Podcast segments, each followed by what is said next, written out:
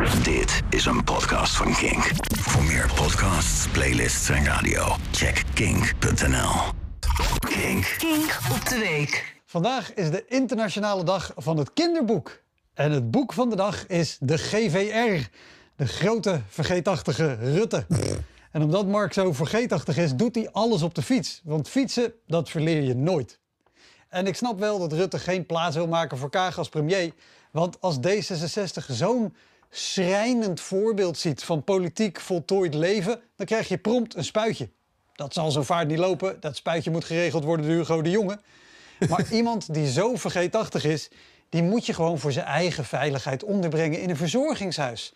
Maar ja, die zijn eerst wegbezuinigd en daarna hebben projectontwikkelaars er met hulp van de VVD knijterdure appartementen ingemaakt. Super gaaf land. Rutte zei tijdens het debat: Ik hoop dat wij een land hebben waar mensen ook nog fouten mogen maken. Nou, de hele VVD-fractie zat druk mee te knikken, want die hebben samen meer lijken in de kast dan het mortuarium van Bergamo op de piek van de coronacrisis. Dion Graus knikte ook mee, maar ja, die zat op zijn mobiel te kijken naar een filmpje van zijn vrouw en zijn beveiliger. Maar ja, Mark, natuurlijk mogen er fouten gemaakt worden.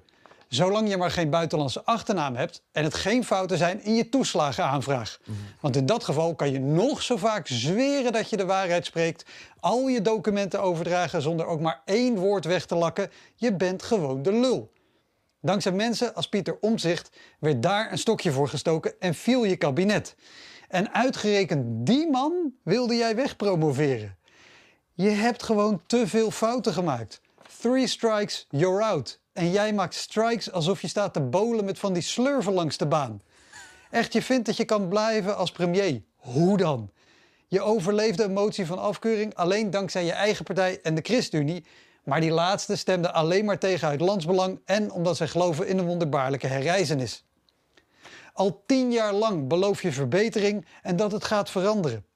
Er zitten vrouwen in Blijf van mijn lijfhuizen die minder lang bleven vertrouwen in een foute vent. En elk van die vrouwen heeft de moeilijke, maar vooral moedige keuze gemaakt om eieren voor hun geld te kiezen, ook als dat betekent dat ze een onzekere toekomst tegemoet gaat. Je liegt, je bedriegt en brengt daarmee ons hele land schade toe. En waarom? Omdat je graag de langzittende premier wil worden. Mark, je fietst elke dag. Je weet als geen ander hoe je op moet stappen. Doe dat dan! In 2015 kwam er onder jouw verantwoordelijkheid de participatiewet. Dat is een bezuinigingsgedrocht dat ervoor moet zorgen dat mensen meer werk vinden, ook mensen met een arbeidsbeperking. Nou, ook voor iemand met dementie en een narcistische persoonlijkheid is er vast ergens passend werk te vinden. Het boek is uit, Mark. Tijd voor een nieuw hoofdstuk in de Nederlandse politiek. Dit was een podcast van Kink. Voor meer podcasts, playlists en radio, check kink.nl.